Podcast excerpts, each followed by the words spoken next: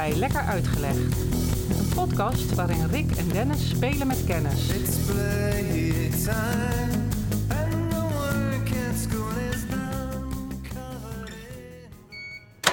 Nee, ik had het idee dat ik eh, met een onderwerp op de proppen kwam waar jij misschien wel iets van af weet, maar aan de andere kant misschien ook niet. En, dat die eh, opties zijn er allebei. denk dat ik. zijn altijd, dit is altijd de optie. iedere, iedere keer is het weer eh, de vraag. Ehm, maar ik kan dat natuurlijk heel simpel testen door jou eh, het onderwerp voor te leggen en kijken hoe je reactie is. Ik wil het hebben met je over de Michael Fish effect. Dat klinkt goed. Geen idee. Ja, tenzij je zo meteen uitlegt en ik denk, oh, heet dat dat ja, Michael nou misschien wel, maar eh, ik, ik had er nog nooit van gehoord. Vanmorgen ben ik daar opgekomen en ik ben wat verder gaan graven. En het is eigenlijk wel een, een ludiek eh, eh, effect, de Michael Fish effect, maar ook wel degelijk eh, eh, eh, van belang, ook nu nog. Ehm, om te beginnen, om een tipje van de sluier eh, op te lichten. Ja, wie, wie is, wie is Michael Fish? Oh, dan moet ik nu het antwoord op gaan Nee, geven. nee, nee, Oh. want als je het Michael Fish effect niet kent, eh, dan had ik toch op zijn minst verwacht van, ja, maar Michael Fish Nee, wel. zeg mij helemaal niks. Nou, het zou kunnen dat je hem kent, want hij heeft namelijk 30 jaar, was het de weerman bij de BBC. Ah, oké. Ik zie wel iemand voor mij, maar of het hij het is... Dat, Nou, het is eh, een, eh, hij is gestopt in 2004, dus als je in die tijd nog een beeld hebt bij het weer, dan was Ja. het een beetje een Had hij een beetje met- vierkant hoofd? met een snorretje, klein, kalig mannetje, ouder, ouder mannetje. Hè. Op 2004 ging hij met pensioen, dus dan was hij al op die leeftijd. En hij was altijd gekleed in een net pak, grijs. En hij is zowel uitgeroepen tot best geklede man eh, van eh, Groot-Brittannië als slechts geklede man. Dus hij heeft in die 30 jaar heeft hij wat eh, verschillende modetrends doorlopen, maar hij heeft altijd hetzelfde gedragen. en dan kom je dus voor beide categorieën, denk ik, vanzelf in aan, aanmerking. Hij wordt omschreven als een ouderwetse weerman die nog in staat is om de lucht te lezen. Dus je moet er nog bij bedenken van hij is zo oud dat hij nog uit de tijd komt van ik kijk naar de wolken en dit gaat het worden, mensen. Ik denk dat ik wel weet wie het is. Ja? Ja, ja hij, hij had ook een bril. Ja, En eh, het, mijn gevoel was altijd dat zijn hoofd breder was aan de bovenkant. ja dat, zou- dat zou eh, kunnen. Dat hoofd was wel prominent. Ja. Maar die was natuurlijk altijd prominent in beeld, dus dat is ook wel weer logisch. Maar hij is na 2004 niet gestorven of, eh, of, of weggezakt in de vergetenheid. Zeker niet nadat het effect naar hem verdoemd is. Maar ik geloof dat hij nog steeds op YouTube het weer eh, doet. Dus via zijn eigen kanalen of misschien af en toe nog eens ludiek. Maar in ieder geval is hij eh, na zijn pensionering altijd nog wel actief gebleven. Als het gaat om, om, om weerberichten en weersverwachtingen geven. Mm. Maar goed, dan komen we bij vraag 2. Hoe kan eh, zo'n grijze muis die 30 jaar het weerbericht presenteert... hoe kan het dat er een heel effect naar deze man wordt genoemd? Nou, dan moeten we terug naar een specifieke dag in de geschiedenis. Geschiedenis van Zuidwest... Nee, Zuid... Cornwall. Oost Kent. Engeland, een beetje Surrey. Ja. 15 oktober 1987 was daar namelijk op een donderdagavond eh, de grootste storm die ooit Zuidoost-Engeland eh, heeft aangedaan. Al- Althans, vanaf de meting tot 300 jaar daarvoor. Dus sinds 300 jaar was het eh, de grootste storm ooit. Windsnelheden van 160, 160 km per uur. 15 miljoen bomen ontworteld. 15 miljoen. Dat vond ik heel bijzonder. Dus dat is ben ik, best veel. ik denk, daar ga ik ook nog even achteraan. Hoe, hoe kan dat nou? 15 miljoen bomen. Verklaar dat eens. Nou, het had de dagen voorafgaand aan die grote storm... was het al slecht weer, dus dat veel geregend. Dus die bomen die, die stonden eigenlijk al beetje zwak in de grond. Als het droog is, dan staan ze veel steviger in de grond. Er was ook nog eens een keertje een periode dat het blad nog aan de Maar bomen dat, zeg, was. dat is ook wat vaak mee bepaald. Als een boom vol blad zit, dan heeft de wind er heel veel... Het is net een zeil eigenlijk. Heel veel grip op de boom. En ontwortelingen van bomen zie je bij een zomerstorm. Dus ja, iets sneller nog dan Ja. wanneer het laat in de herfst is. Ja, je staat er niet bij stil, maar eh, Ja. dat was wel het geval. Dus de grond was doorweekt, veel bladeren in de bomen en 15 miljoen bomen daardoor dus ontworteld, omgeslagen. Dorpen eh, zonder elektriciteit, drie weken lang soms nog. Nadien pas dat, eh, dat dat weer hersteld werd. Dus we hebben het echt wel over een serieuze ramp eigenlijk in Zuidoost-Engeland. 2 miljard schade wordt er geschat. Hm. En 19 mensen overleden. Dat valt. Dat valt mee. Ja. Als, je negen, als je 15 miljoen... Ja, daar zijn er toch 1900 doorgelopen waarschijnlijk. dat, eh, ik ben niet gaan uitzoeken hoe ze gestorven zijn, maar ik, ik denk wel dat dat eh, eh, misschien wel door die vallende bomen moet zijn gebeurd. Maar dat laten we in het midden. Maar nu bij Michael Fish, want hij is natuurlijk degene die de weersverwachtingen doet op de BBC. En daar komt het probleem. De avond van 15 oktober, dus eh, later op de avond en in de nacht, eh, begon die storm zich te Mhm. ontwikkelen. Maar die avond verscheen hij dus bij de BBC, waar heel Engeland, heel Groot-Brittannië naar keek.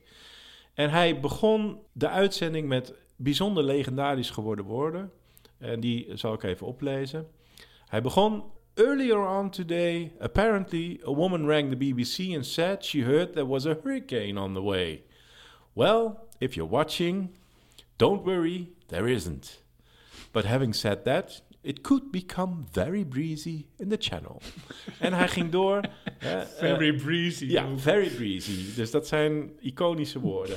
en hij ging door met het eh, verder eh, beschrijven van hoe het weerbeeld eruit ging zien. En natuurlijk, hij concentreerde zich vooral op de regen. En het zou wel hard gaan waaien, maar vooral in Frankrijk en in Spanje. Hè, daar zou meer een deel van de storm zich afspelen. Je kan als je wil dit hele legendarische filmpje van dat weerbericht, dat staat op YouTube. Dus dat is voor iedereen terug te vinden.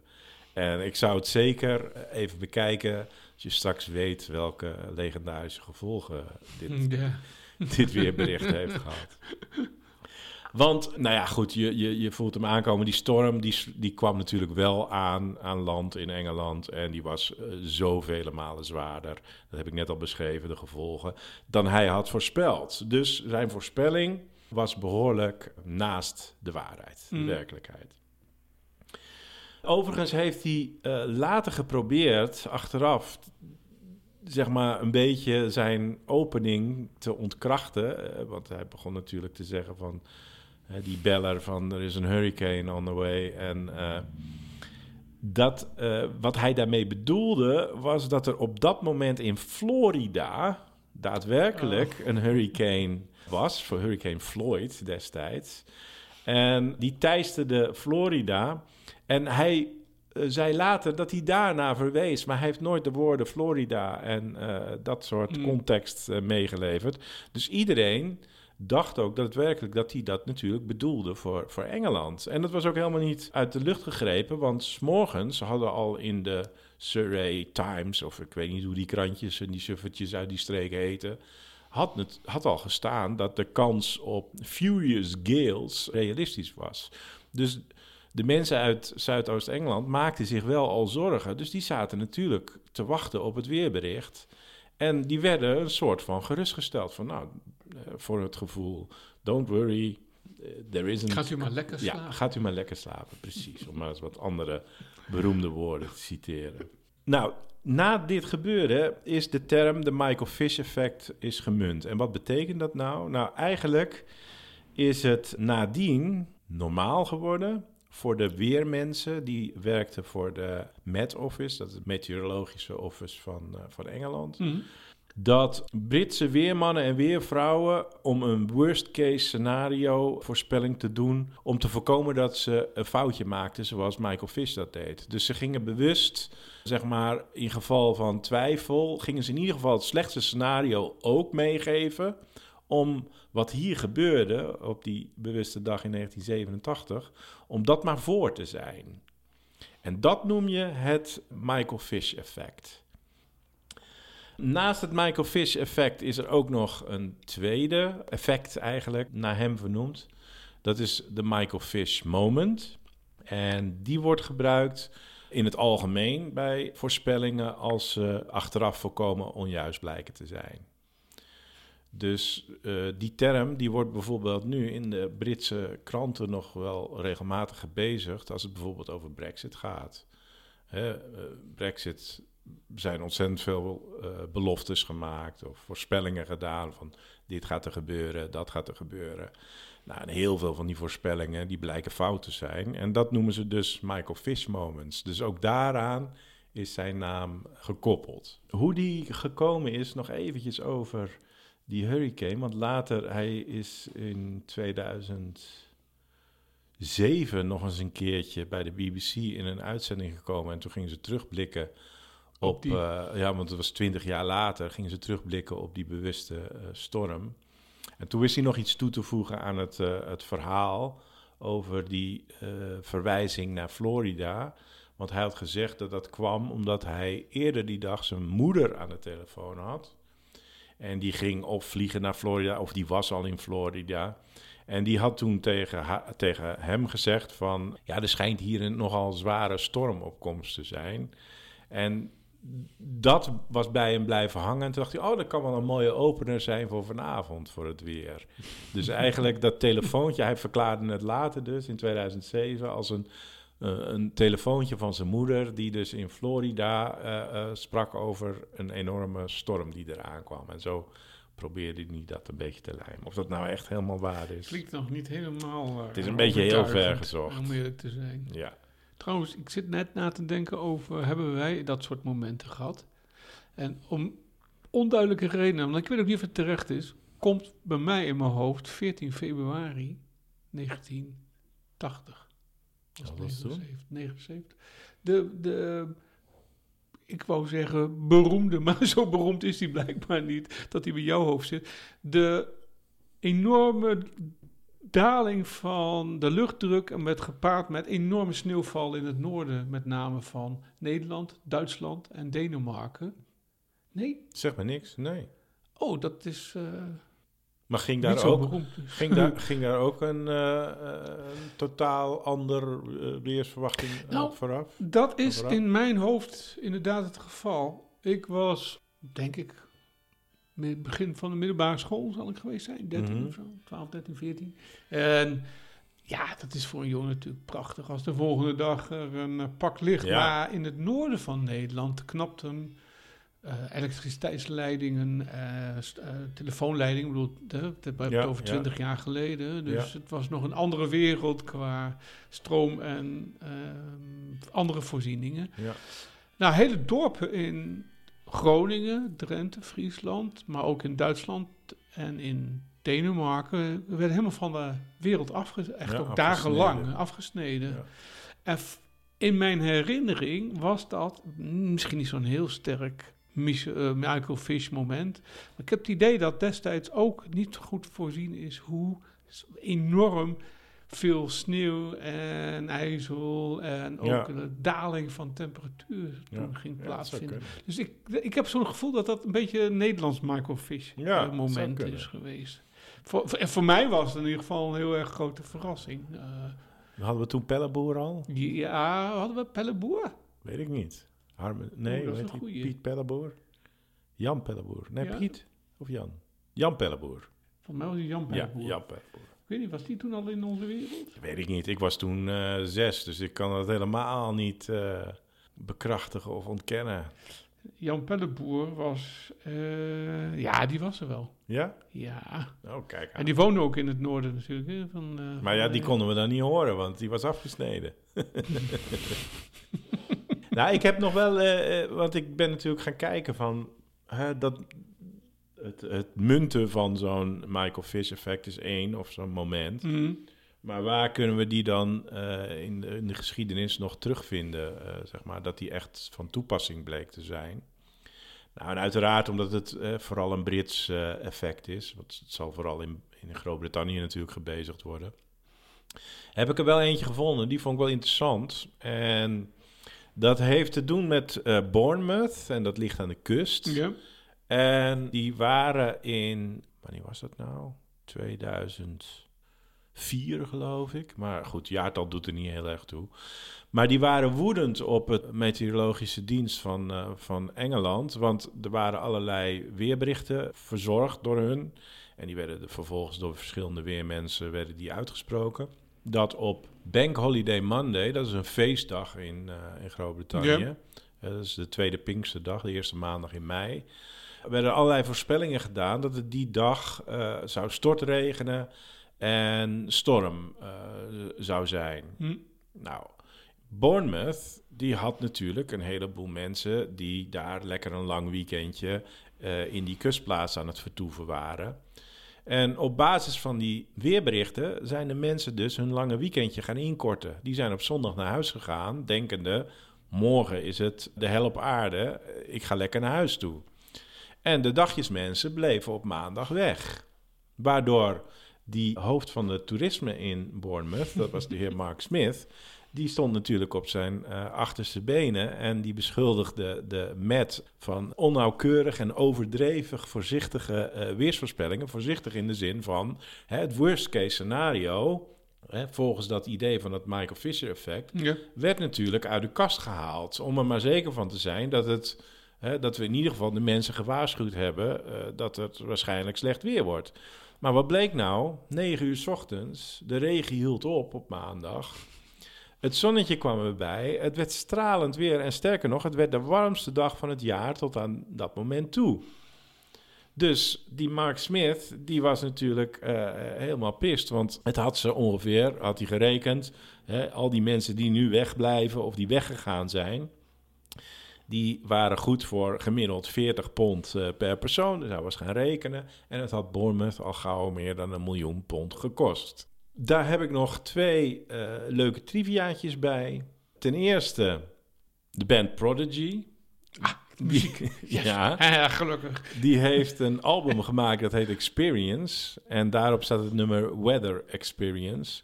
En in dat nummer hebben ze dus een weersverwachting van Michael Fish gesampled. En die komt dus als sample terug. ook die bewuste? Je, weet ik eigenlijk niet. Een weersverwachting. Een dus weersverwachting, oké. het zal, mm, nou, misschien wel. We Ik ben niet zo'n Prodigy liefhebber. Nee, ik ook niet. Ik Maar- heb het niet in de kast staan. Nee, dus ik kan, Dat- kunt het even opzetten. Maar dat, nee, eh, moeten we even naar de streamingdiensten. Wat we wel hebben kunnen meemaken... Daarvoor moeten we naar de Olympische Spelen, de Zomerspelen van 2012. Die waren in Londen. mhm. Daar werd in de openingsceremonie werd er een prachtige mooie videomontage getoond. En in die videomontage zat dus een clip van dit beroemde weerbericht. Dus dat is toch wel bijzonder, dat het een stukje cultuur wordt, hè, Britse cultuur, die op zo'n moment eh, het feit, het huldigen en het openen van de, de, de zomerspelen, dat die toch een plekje krijgt als, nou ja, Brits icoon, zeg maar. Vraag ik dan toch ook af. Hè? Je kiest voor zoiets als onderdeel van een groot wereld-event als de Olympische Spelen. Mhm.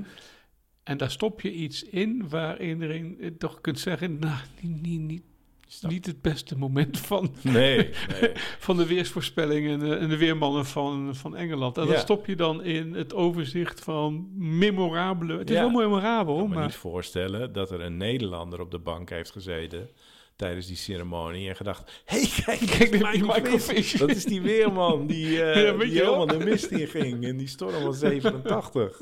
Nee, dat denk ik niet. Nee. Maar eh, eh, desalniettemin toch een leuke, leuke trivia.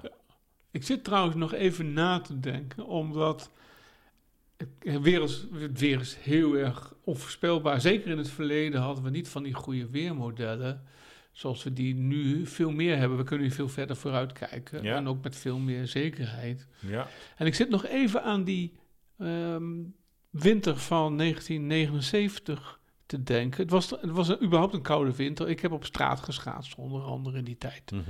ehm, door ijzel en vastgevroren. En ik weet, want ik woon in het noordelijke deel van Nederland. En wij zaten op de grens, die, die, eh, die bewuste februaridag, dat het onheil min of meer toesloeg. Je zat aan het koude front. Ik zat aan de rand van het koude front. En ik weet nog, ehm, maar dat heb ik ook pas later gelezen hoor. Maar ik weet nog dat heel Noord-Nederland, dus eh, zeg maar even Friesland, Groningen en Drenthe, lagen in de, het oog van de storm. Ja. In, in dit geval eh, in het oog van het lage drukgebied. En kregen enorme sneeuw over zich. Echt, Er waren sneeuwduinen van meerdere meters hoog. Drie, vier meters hoog. Misschien wel zes hier Ja. en daar.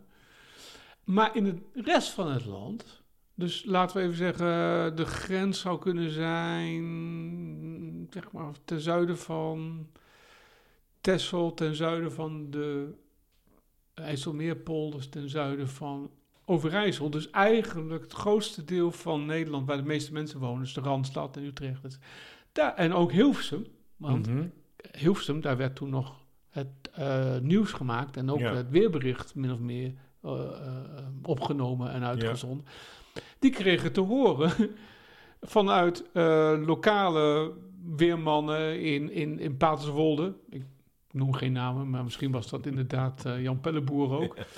Die melden aan de rest van Nederland, het is hier hommeles. Ja, Het is hier helemaal mis. Ja, We, bizar, we, hè? worden- we sneeuwen in. Terwijl Ja. de rest van Nederland zoiets had van... ja, Wat een overdrijven doen ze daar, zeg. Pas later werd duidelijk dat, eh, dat er iets heel erg mis was. En dus er is eigenlijk in die zin nooit een melding zo geweest die eerste dag van... er is wat aan de hand. Maar, Daar was het alsof de ijstijden zich letterlijk eh, herleefden. Want de ijsgrens, als je vroeger naar de ijstijden kijkt, die liep daar ook een beetje eh, ja, zo half tot, het, tot eh, Ja. de noordelijke provincies. Ja. Bizar. Dus eh, het is niet zo verwonderlijk dat in die tijd, dat is nog een ruim voor dat Michael Fish moment, zijn, Mhm. zijn voorspelling van ga maar lekker slapen, het valt, wel, valt wel mee. Dus dat was nog weer acht, acht jaar daarvoor. Dus het is niet zo vreemd dat de voorspellingen van, van weer, ja, die werden nog veel minder met computers gemaakt. Dat was nog veel ja, meer eh, Handwerk. handwerk. Ja. eh. dus ik, Nee, dus dit, snap het wel het had beetje, ook het, het, het, het Jan Pelleboer effect kunnen heten. Er zou een andere weerman, die zou natuurlijk hetzelfde kunnen zijn overkomen in die tijd. Kijk, tegenwoordig kan je de computer gewoon simpelweg de schuld geven. Nou, toen natuurlijk ook wel. Maar de computermodellen, die zijn natuurlijk nu eh, leidinggevend, denk ik, in het eh, Ja. maken van weer, eh, ja. weerberichten. Ja, kun jij nog naar het weer kijken? Als in Nou. dat je naar boven kijkt en zegt van... Nou, avondrood heeft water in de sloot. Dat soort dingen. Nou ja, ik heb altijd geleerd, de zwaluwen vliegen hoog, we houden het niet droog. Bijvoorbeeld. Dus dan, hè, maar dan had ik ook geleerd, de zwaluwen vliegen laag, het wordt zwaar weer vandaag. dus, dus maak geen donder uit waar die, die Van hoog of zwaluwen- laag. waar die zwaluwen vliegen, want het wordt altijd klote weer. nee, ja goed, nee, dat zijn van die boerenalmanakwijsheden. En daar hebben we natuurlijk wel een behoorlijke traditie in hier in Nederland. Maar eh, nee, ik, eh, ik ben niet zo. Ik ben trouwens geen buienradar-kijker of zo. Dat ben Nee? ik niet. Nee, er zijn heel veel mensen die, die zeg maar buienradar eh, op de telefoon regelmatig bekijken en dan beoordelen dat het gaat regenen of niet. Ik ben nog wel iemand die naar buiten kijkt en dan. Het is droog, dus ik- Ja, ja, precies. En dan bepaalt of het regent of niet. Dat, dat, dat bepaal ik niet via de app. Nee, nee. Nou, ik bepaal het in die zin dat als ik nog eruit wil... om bijvoorbeeld even een eind te wandelen of hard, te gaan hardlopen... hardlopen eh, vind ik in de regen helemaal niet erg. Maar als ik kan kiezen door 10 minuten te wachten... en helemaal droog over te komen... of het een hardlopen of een wandelen is... Kijk, in de auto maakt het niet uit, dat Nee. snap ik ook wel. Maar op de fiets of wandelen... Ja, maar dan kijk je op de app dus. Dan, Dan kijk ik wel even, zit er een spike aan regen aan te komen? Ik bedoel, als Ja. het licht helemaal blauw is buiten, qua zonnetje en zo, dan kijk ik niet op de app. Nee, nee, nee. Nee, ik kijk is niet die, om is die altijd wel betrouwbaar? Heb je wel het idee dat het klopt? Wat je, wat je vooral moet doen, is kijken naar de radarbeelden. Hè. Je hebt van die Ja. apps die laten zien van er komt een piek aan regen aan. Maar je moet even de radarbeelden erbij halen. Ja. En dan moet je kijken van, zie ik bewolking? Eh, Komt hoe stroomt? Ja, precies. hoe, hoe, hoe is de windrichting? Ja.